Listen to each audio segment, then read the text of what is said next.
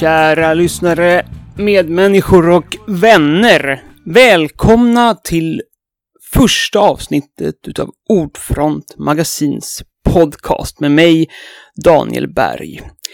Och som vanan nu ska bli, i sällskap med Nordens allra snabbast flödande följetong av förolämpningar mot den goda smaken. Chefredaktören för tidningen, Johan Berggren. Ja, tack för den märkliga presentationen. Jag heter Johan Berggren, jag är chefredaktör, ansvarig utgivare för Ordfront Magasin, som vi brukar kalla Sveriges eh, malligaste kultur och samhällstidskrift. Nej, vänta, det var någon annan. Vi brukar kalla oss den mest lästa därför att vi har eh, drygt 5000 läsare per nummer. Vi kommer ut varannan månad. Och vi brukar med reportage, essäer, analyser, även eh, litteratur varannan månad, mest i pappersform men även på nätet, prångla ut våra idéer och tankar och observationer över en inte ont anande svensk offentlighet. Och nu tänkte vi även göra det i poddform. Det är naturligtvis Daniels fel alltihop. Daniel, som när han inte begår ekonomisk historia på Stockholms universitet, eh, även skriver artiklar i Ordfront Magasin. Och eh, det, I senaste numret har han skrivit en jättestor artikel, men du kanske vill berätta lite mer om senaste numret? Jag kanske... Tack, eh, käraste chefredaktör. Min idé med podcasten, anledningen till att jag alls trodde det var meningsfullt, det är att tidskriften publicerar så seriös journalistik och oerhört eh, djuplodande reportage, någonting som saknas annars i svensk press. Mycket. Men samtidigt när vi sitter på redaktionsmötena så gapskrattar man ju ofta för att du är ett sånt eh, flödande förolämpningsutsläpp i Östersjön. Jag förolämpar precis allting. Och eh, idén här är att Ordfront Magasin Podcast ska vara samtalet bakom texterna. Mm. Idén att jag ska faktiskt i offentligheten släppas loss med, med liksom in, inget manus och bara så att du får mig lite arg och börja prata om saker och folk. Det, den är oerhört dålig och kommer att antagligen föranleda tidningens nedläggning eller åtminstone min snarare arrestering. Om det är det man gör blir man när man gripen med nu för tiden. Slagen i duschen av hämndgiriga plitar som vars farmor jag råkar kallas för någonting. Så det, det kommer bli intressant, ett, ett experiment i både, både publicistik och faktiskt social ingenjörskonst. Så eh, låt, oss, låt oss likt Gunnar Strängar på sin lyra köra, spela iväg hela gitarren och eh, se vad du har att säga om löntagarfonder och annat. På med dubbla hängslen. Och slipsen i pannan. Bara, oh! Så kör vi finanspolitiken rakt in i kaklet. Ja. Precis. Idén är att släppa lös den här ordstormen då. Ordfronten. Mm. Ordfrontens på... ordstorm.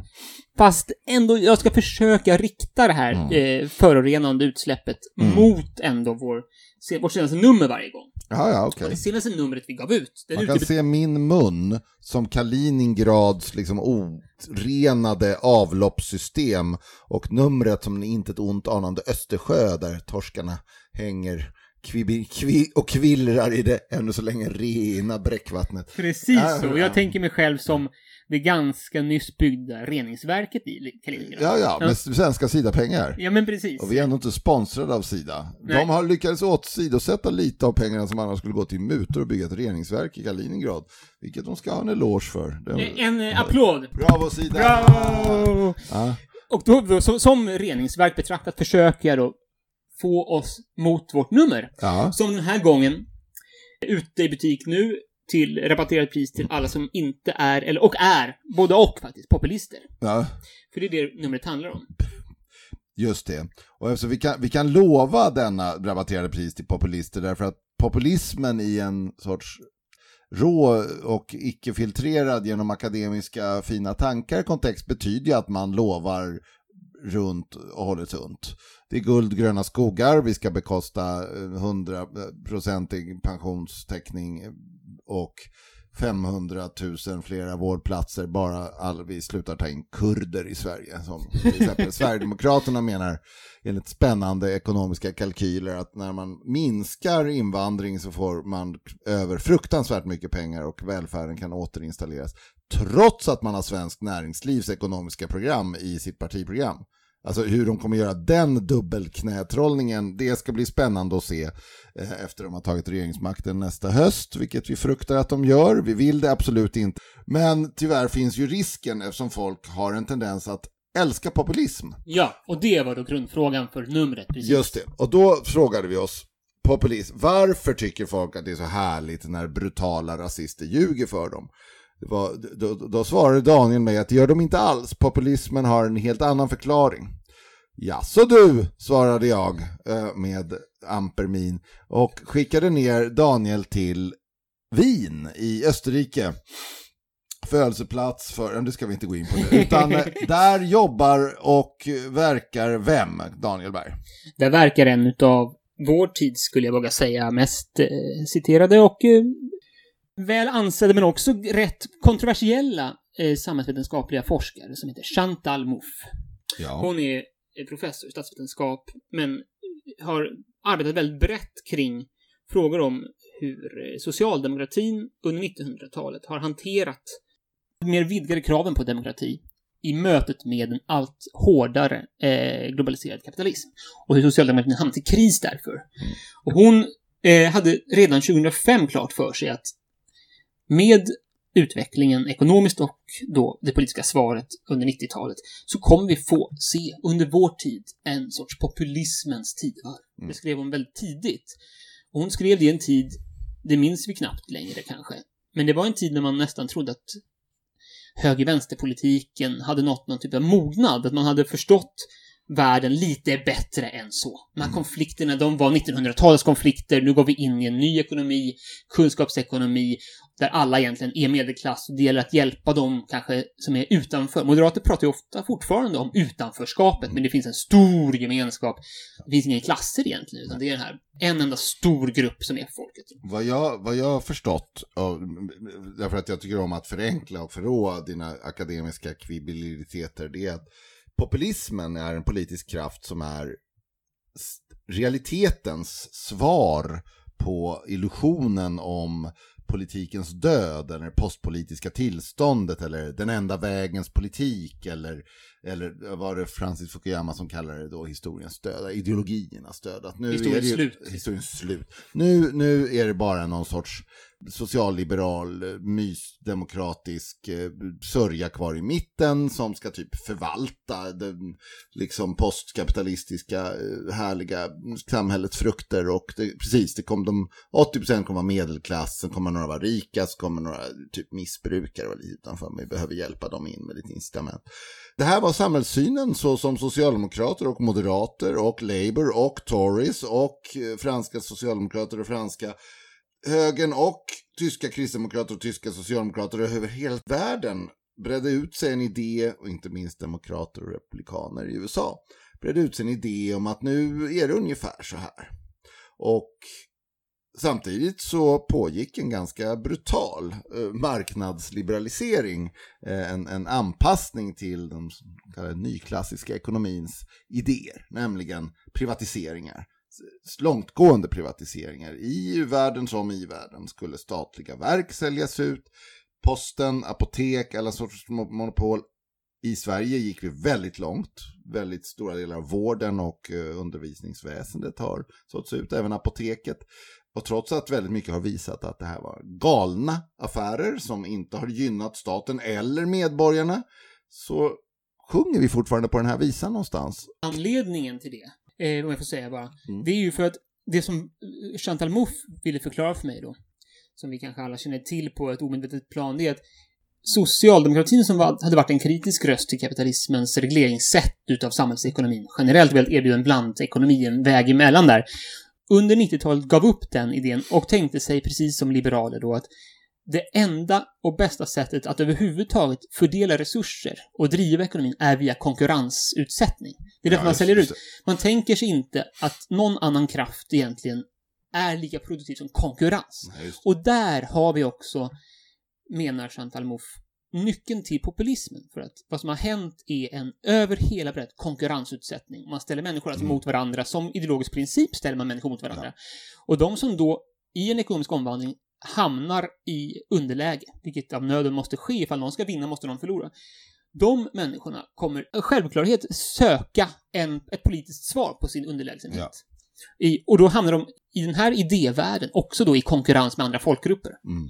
Får de inte artikulera det som i krig mot en, en bankirklass eller i krig mot fransmän, så blir det i krig mot en invandrargrupp. Man måste hela tiden Mm. förstå sig i relation till en fiende helt enkelt. Ja. Du kan väl berätta, du, du, du, hon bodde i ett Dracula-slott mitt i Wien. Hur var det? Var träffade du henne?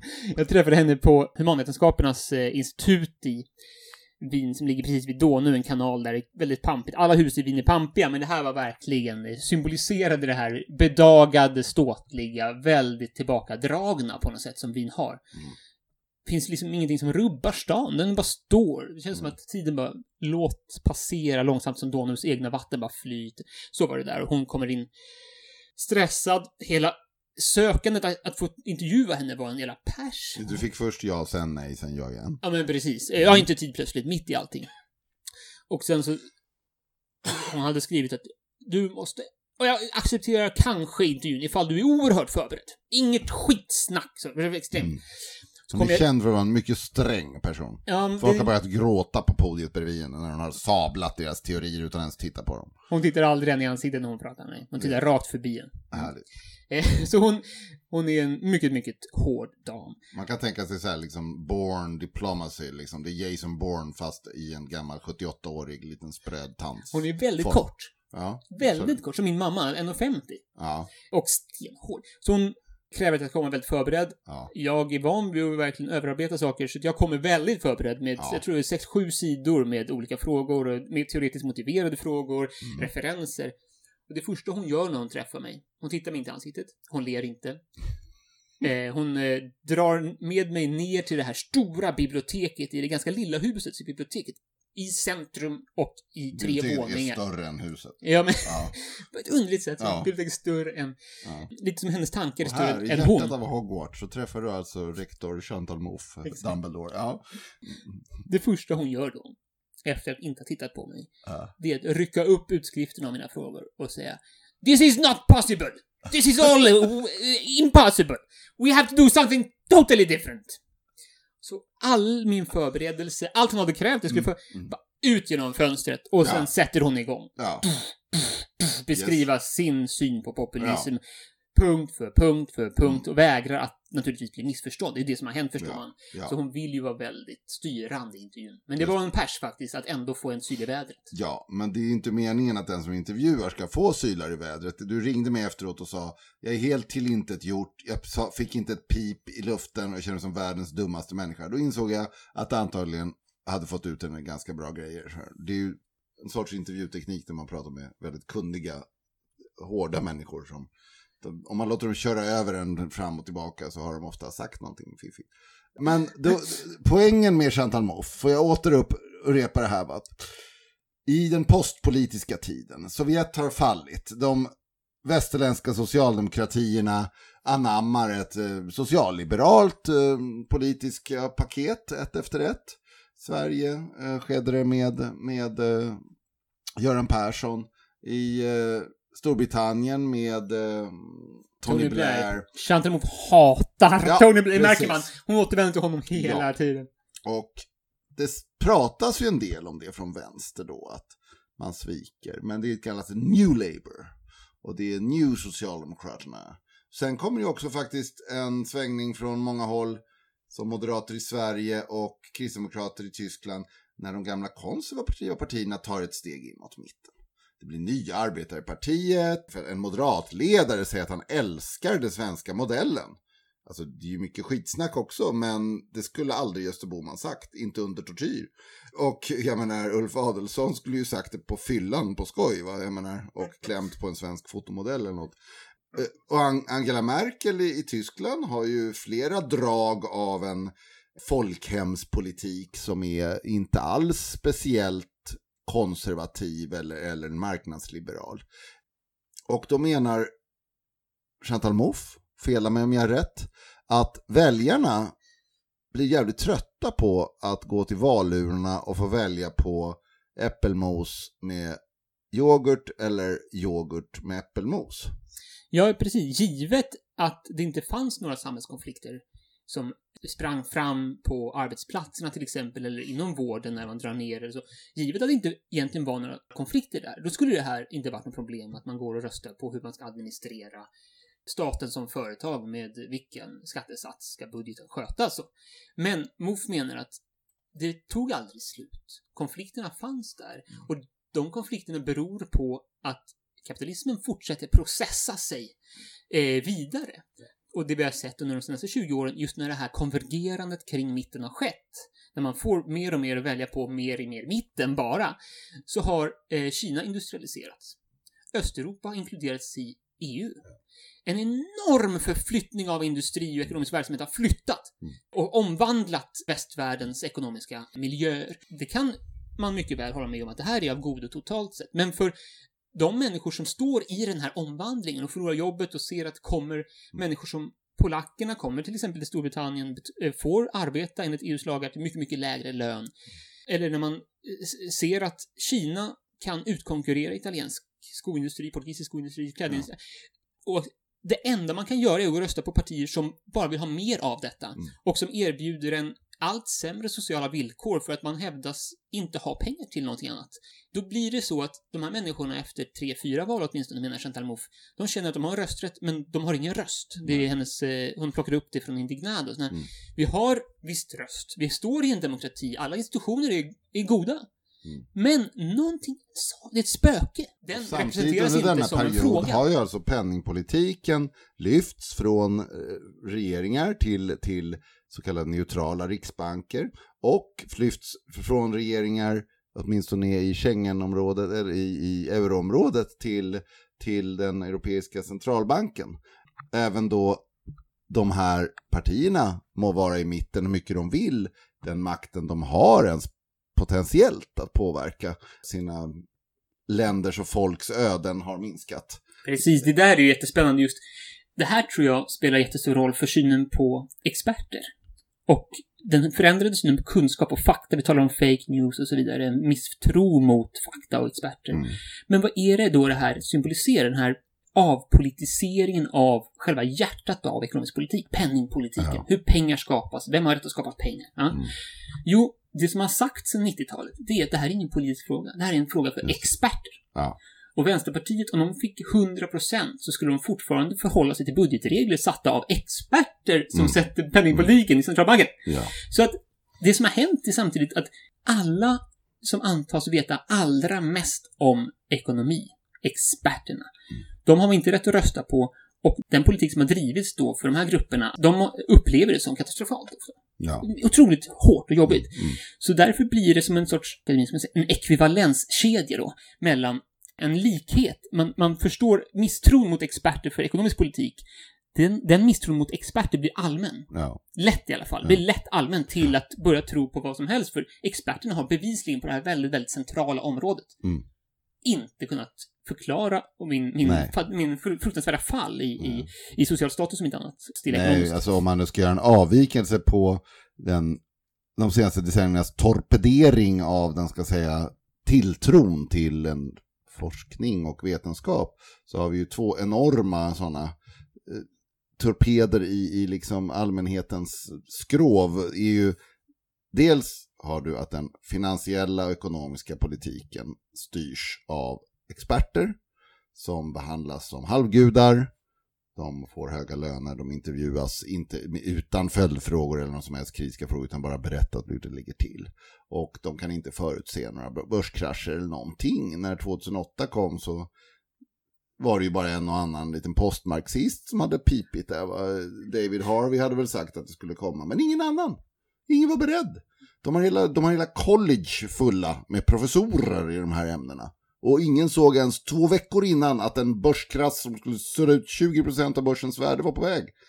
Och, Några gjorde det, men jag Ja. håller med om i, i stora drag verkligen. och sen så har vi nummer två, så har vi då naturvetenskaperna där, som är, kan sägas vara ganska grovt komprometterad av kommersiella värden, men ändå har världen dragit ihop en enorm forskningsinsats och verkligen bevisat för till och med lekmän att konstatera i väldigt pedagogiska rapporter att klimatförändringar är ett faktum, de orsakas av mänskliga utsläpp, de här utsläppen, så här går det till. Så här.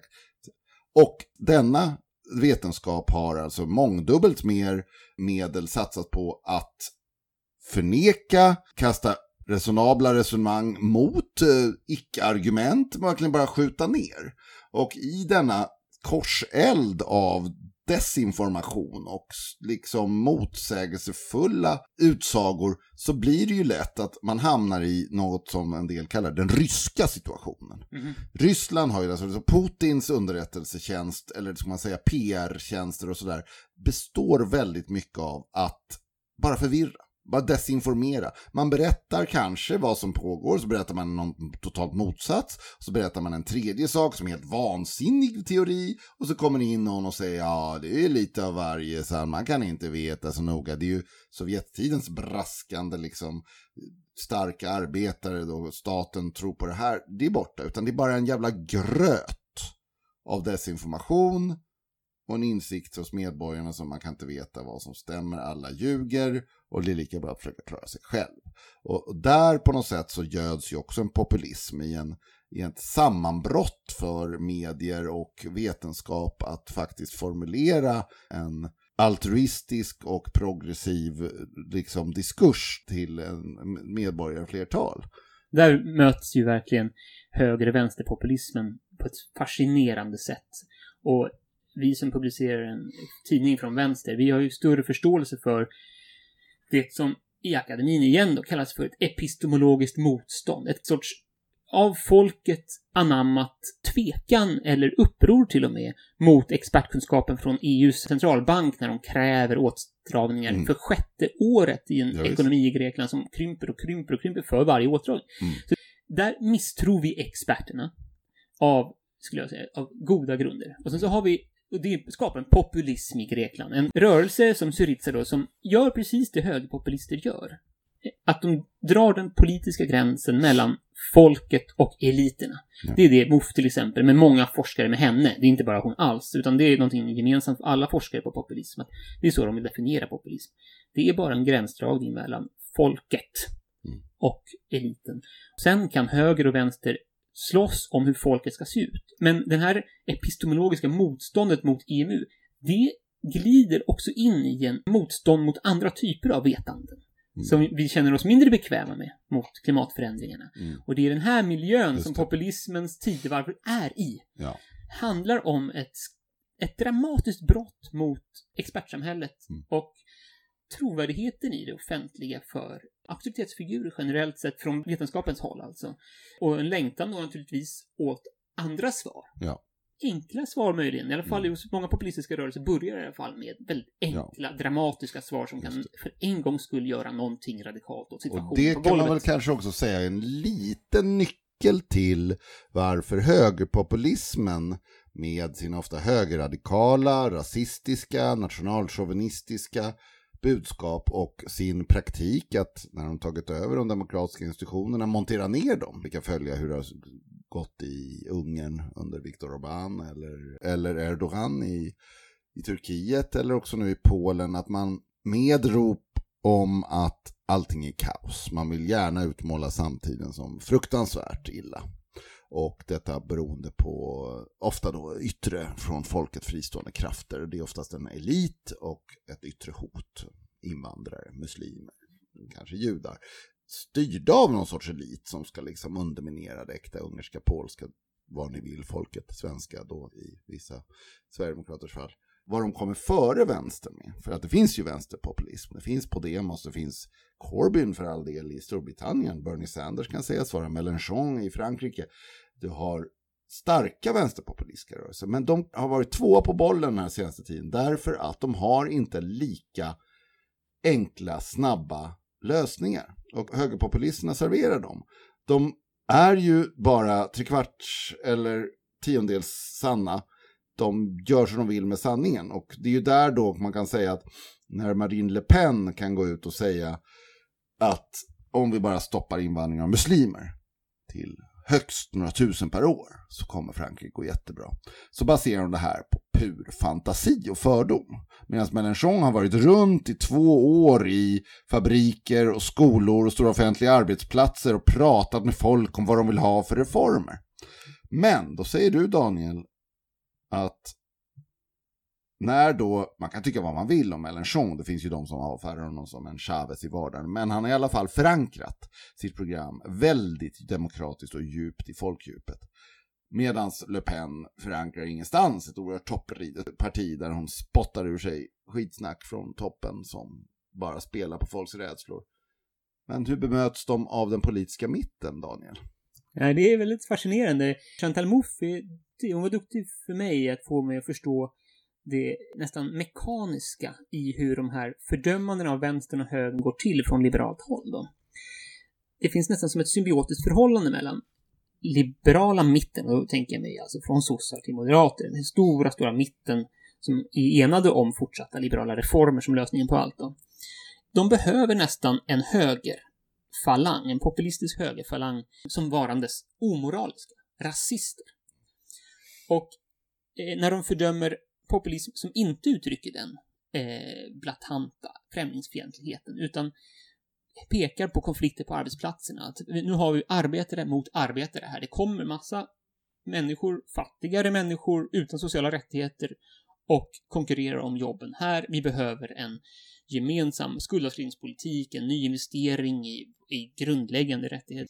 Då kan man med ordet populism, säger Chantal Mouffe, väldigt snabbt sätta ihop vänster och höger eh, kraven på aktion mot liberalismen och dess fria marknader som en och samma sak egentligen. Så vänster Syriza eller Mélenchons krav på att hindra konkurrens på arbetsplatserna i Frankrike mellan polacker med lägre lön och fransmän blir väldigt snabbt förklarade också vara rasister. För de är emot fri rörlighet, de är emot invandring som kommer och hjälper fransk ekonomi med att skapa en, som de säger, flexibilitet på arbetsmarknaden. Så, så den här, återigen, om jag får använda ordet, ekvivalensen, det är en av hennes kärntermer. Det är ett väldigt bra begrepp för att visa på hur en, en förklaring av ett fenomen kan användas, om inte annat bara som associationer hela tiden, för att diskreditera också andra varianter av samma, samma kritik. Mm. som är radikalt annorlunda kräver helt andra svar och eh, sådär, som vänster och höger gör. Väldigt, väldigt spännande. Men, jag ska säga så här att om det var någonting som gav eh, Chantal Moufs teorier en dubbel undersökning med rödpenna rätt så var det tyska valet. Där då under en lång period har Kristdemokraterna regerat med stöd av Socialdemokraterna. Och det här ska ju vara då de två stora opponenterna i tysk politik. Alltså det ska vara de två olika vägarna som det tyska folket har att välja. Antingen en socialliberal politik eller en socialliberal politik. Utan någon sorts skillnad. Socialdemokraterna har gått in i en stödtrupp och stött Angela Merkel i precis allt hon har gjort. Och de gröna och den tyska vänstern har fastnat i sina internpartistrider och tyska vänstern är fortfarande för, eh, lite för fäst i den gamla östs doktrinära kommunism. Så vad händer? Det finns ett alternativ. De är bindgalna, de skyller utan speciella större orsak-verkan, bevisföring, Tysklands problem, då framförallt östra Tysklands problem för invandringen. Nu har östra Tyskland tagit emot nästan ingen invandring sedan Tyskland enades igen. Därför att invandrarna vill inte komma till östra Tyskland för det är fruktansvärt deprimerande fullt med arbetslöshet och inga framtidsmöjligheter. Men det är ändå på något sätt deras fel att östra Tyskland eh, ser ut som det gör. Och därför fick alternativet för Deutschland 12-13 procent. Och ett högradikalt parti kommer in i Bundestag, i den tyska riksdagen första gången sedan, ja, Anders Hitler och hans gesäller busade runt. Och det är ju naturligtvis en extra smäll när Europas ryggrad, den ekonomiska stommen, det egentliga kärnan i EU, får en populismen rätt upp i nosen. Och sådär. Och sådär. Och då är frågan, alltså både Paul Mason i The Guardian och tyska socialdemokraternas egen ledare uttalade strax efter nu måste vi gå till vänster. Nu måste vi bli tydliga socialdemokrater igen med tydliga krav från vänster. Finns det en chans menar du, menar Chantal Mouffe, till förnyelse i de europeiska socialdemokraterna. I, i Sverige såg vi ju Juholt göra en stab åt det, men drog snabbt tillbaka av kanslihushögern och offrades utan pardon. Vad säger du Daniel, finns det någon chans till att den svenska socialdemokratin blir socialdemokrater igen? Jag kan citera Chantal Mouffe, när jag ställde den frågan till henne. Och hon sa, jag har gett upp på Socialdemokraterna. Jag tror inte att de någonsin mer kommer kunna radikalisera. Det här är en tänkare som hela sitt liv har försökt radikalisera Socialdemokraterna och arbetat nära socialdemokratiska partier. Hon menar att vänsterns svar måste komma eh, utifrån. Det måste vara partipolitik. Hon föredrar ju en parlamentarism. Hon avskyr mer eller mindre anarkistiska lösningar och så vidare. Hon älskar demokratiska institutioner och att föra eh, samhällets konflikter in i de som vi kallar kanske borgerliga liberala institutionerna som Socialdemokraterna var med och demokratisera helt enkelt. Mm. Men hon ser inte att de nuvarande partistrukturerna i Europa som är socialdemokratiska klarar av en radikalisering. Så hon vill se sånt som Podemos eller Syriza eller Melanchon, en, en vänsterpopulism som kommer utifrån. Ja. Och Labour i Storbritannien är undantaget därför att det är ett sånt väldigt brett vänsterparti redan från början, eller? Jag, vet, jag frågade henne aldrig om Labour. Det har ju varit en, en oerhört slitsam strid i Labour.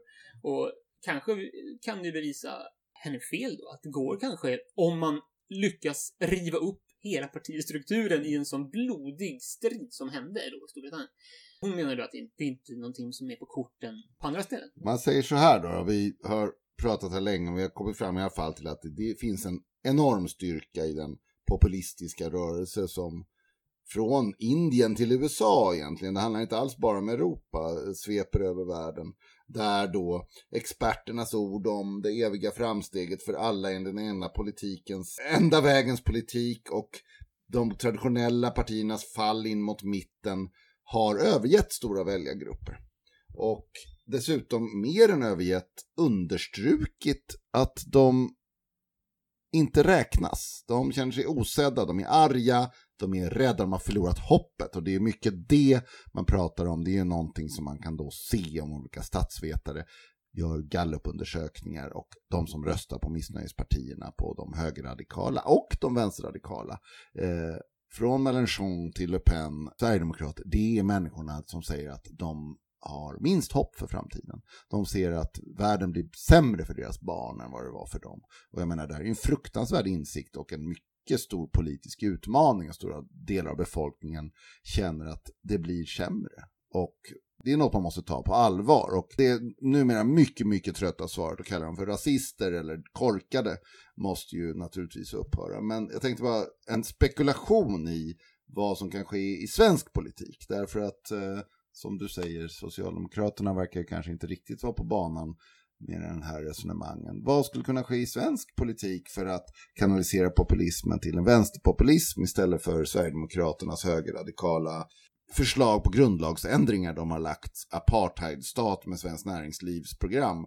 Jag menar, folk kommer inte förstå hur extremt inkompetenta och onda de är förrän de har kommit till makten.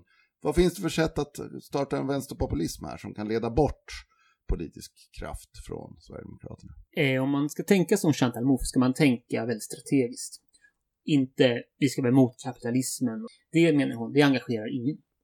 Så istället menar hon, ska man se på punkter i politiken som berör folks emotionella liv och som får dem att känna sig lika andra i relation till en fiende och dra den politiska gränsen kring de här känslorna. Högerpopulisterna gör det när de ser en främmande man med en, eh, och en kvinna med slöja. Det är en känsla, de spelar på en vardagsliv som de organiserar sin politik utifrån, väldigt intelligent. Vänsterns sätt skulle då kunna vara att analysera vad är det som kommer att förena människor de närmaste tio åren i Sverige möjligen, om ekonomin fortsätter att utveckla sig så som den gör. Och då förefaller skuldkrisen vara både historiskt, skulder har alltid fört samman de drabbade i stunder av kriser, att förbereda extremt radikala vänsterreformer istället för återdragningar som, man, som är det liberala svaret, i nästa skuldkris. Mm. Och att då, på bred front, gärna med partipolitiska anknytningar, föra fram en viss typ av begripliga skuldavskrivningsreformer för vissa grupper. Att bryta idén om budgetregler. Ha de här positionsstriderna redo för sig. Och mycket enkelt, tyvärr, man måste vara mycket enkel. Hamra hem vissa reformer som slagord. Och sen när man vunnit det, inte nöja sig, utan identifiera nästa kamp. Vad är nästa strid för att radikalisera demokratin och öka ekonomisk jämlikhet? Så att arbeta, som hon säger enligt Gramsci, med positionskriget snarare än de stora slagorden. Du är rasist, Nej. jag är jättegod. Vi ska hjälpa alla i Afrika. Alla ska med. så vidare. Utan istället identifiera emotionella punkter där skulderna faktiskt... Det intressanta med skulder, det är att man kan ha vilken etnicitet och en väldigt bred ekonomisk spektrum kan i en kris bli lika illa ansatta Mm. som folk på gatan idag ifall en kris kommer. Det är en enorm rädsla i magen folk redan idag tror jag går omkring och bär på. Oj. Också de som känner sig lite rika i sin livsstil har ändå så enormt mycket skulder. Så det där är en emotion som annat än åtstramningar, Jag en vet inte, annan var politik det kan. någonting med OECDs mest privatbelånade befolkning? Jo, men precis. Sverige eh, går väldigt bra, men på en oerhört leveraged... Vi har tagit en stor, stor lånesättning för att satsa på framtiden, så att säga. Om den, våra förväntade framtida vinster inte levereras i en stund av kris, då har vi en väldigt svår position att klara av vårt skuldberg. Ja. Och det kan då skapa en deflatorisk kris, en spiral som ständigt drar oss ner, som precis som i Grekland. Då. Mm. Nu har vi ett bättre läge naturligtvis ändå, men det är en mekanism som går att använda för en vänsterpolitik, verkligen, som inte görs idag. Så. Nej, just det. Ja, men där har vi en konkret rekommendation. Jag hoppas att många politiker med ett eh, icke-konservativt sinnelag lyssnade på detta. Och även du, min kära lyssnare. Ska vi säga att vi, vi knyter ihop den här säcken för den här gången, Daniel? Ja, vi låter grisen skrika där inne. Och eh, så hörs vi till nästa nummer om inte annat. Om inte annat. Tack Johan. Tack så mycket, Daniel.